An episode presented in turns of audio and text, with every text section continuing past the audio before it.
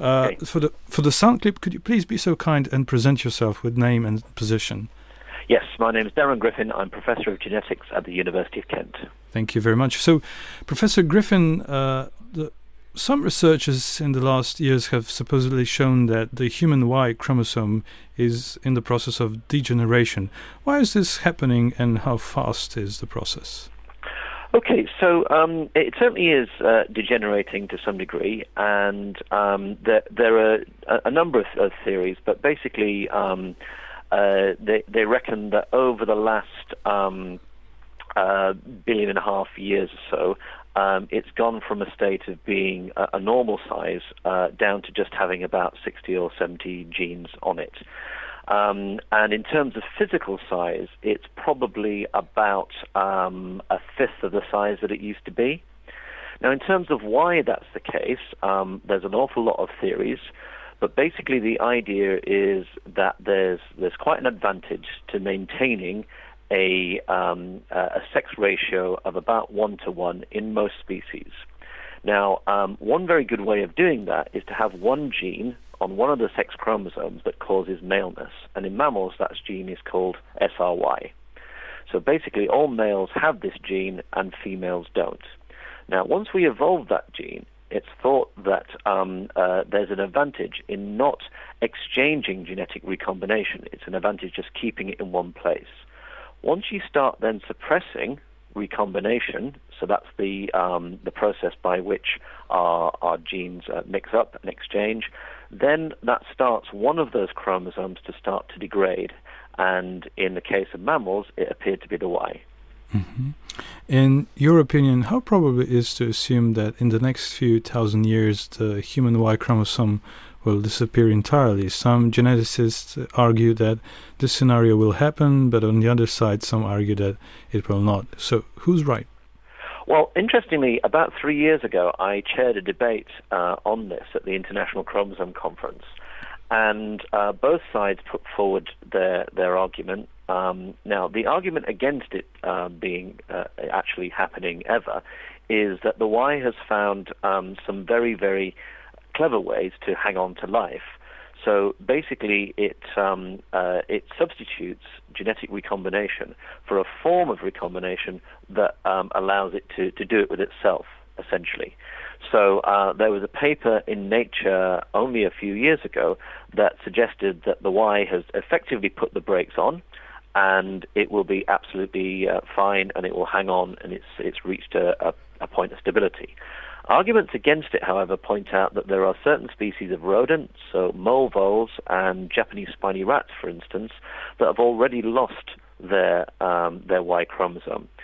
So really, the, the nub of the argument, and we're certainly not talking thousands of years, we're talking millions of years, is has the Y sufficiently put the brakes on that it won't go any further, or is it just sort of hanging off the edge and at some point in a few million years' time will it eventually go? Um, and I have to say, I'm torn uh, on the issue because um, when we put it to the vote, so we had about 300 people in the room, the um, uh, the opinions were split about 50-50. Mm-hmm. And if Y chromosome would disappear, what would that mean for us males and for our species? Will that well, be the end of the humankind? No, th- th- this is very very interesting actually because um, uh, it, it we we always uh, think uh, think of it as something as as geneticists of uh, uh, we, we find it really quite amusing that um, it, it's captured such a public interest because um, first of all it's not going to happen for at least 10 million years if it's going to happen at all um, and so, you know, we've got more pressing things to worry about. Secondly, if it were to happen, um, the um, all, all, that would seem to be the case, and um, you can look at the spiny rats and the mole voles for, for evidence of this, is the sex-determining region would find its way onto another chromosome, and the whole process of Y degeneration would um, would happen over again over many, many millions of years. So um, it may well be that um, perhaps the worst that could happen is that another form of human species may evolve. So you might have some with a Y and some without, but I'm sure we'd all find a way to get along together. Mm-hmm. So let's focus on global warming for now.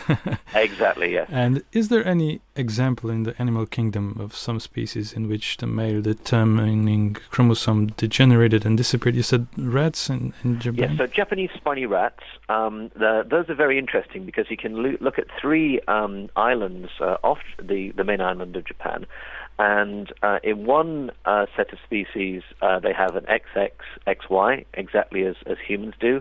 In another set of species, they have um, they have lost the um, uh, one of the Ys, but the both males and females still have a single X chromosome. And then you can go to another island where they have um, uh, perfectly normal pairs of chromosomes, so XX, XX in both males and females. Um, the other species is the, the mole vole, um, and that has something a little bit similar as well. Um, now, some people will argue that, that rodents are very, very strange chromosomally anyway, and they're the exception that proves the rule. So, so therein lies the basis of the argument. Mm-hmm. And is there anything that we can do to stop or slow down the generation? Would it make any sense? Uh, we're um, talking about the human Y chromosome. Absolutely no sense at all to, to even think about it. And um, um, even if you were trying to do it by some sort of assisted reproduction or or, or whatever, um, you'd have to think about what, what really would, was the point, and you know you, you might really want to be spending your health budget on something a little bit more pressing. There are an awful lot of, of animals that um, determine their sex in different ways. So some do it by um, just single genes, some do it by temperature, for instance. So um, uh, for instance, to, to the temperature that they, they incubate their eggs. Um, snakes have very subtle sex chromosomes, so very different, um, uh, very subtle differences between them. Um, the main advantages um, evolutionarily of, um, uh, of maintaining roughly a 50-50 sex ratio is that you don't get um, competition between one of the sexes that um, uh, that happens to be uh, in the majority. So suddenly, if we found ourselves, uh, say, in human populations with twice as many males as, as females, there would be an awful lot of fights um, and and disagreement and malcontent and, and so on. So there's an evolutionary advantage to to ma- maintaining a 50-50 ratio in most species, um, and um, some species can control that themselves by their own behavior um, uh, and they do that. Whereas um, other ones, it's hardwired, like mammals,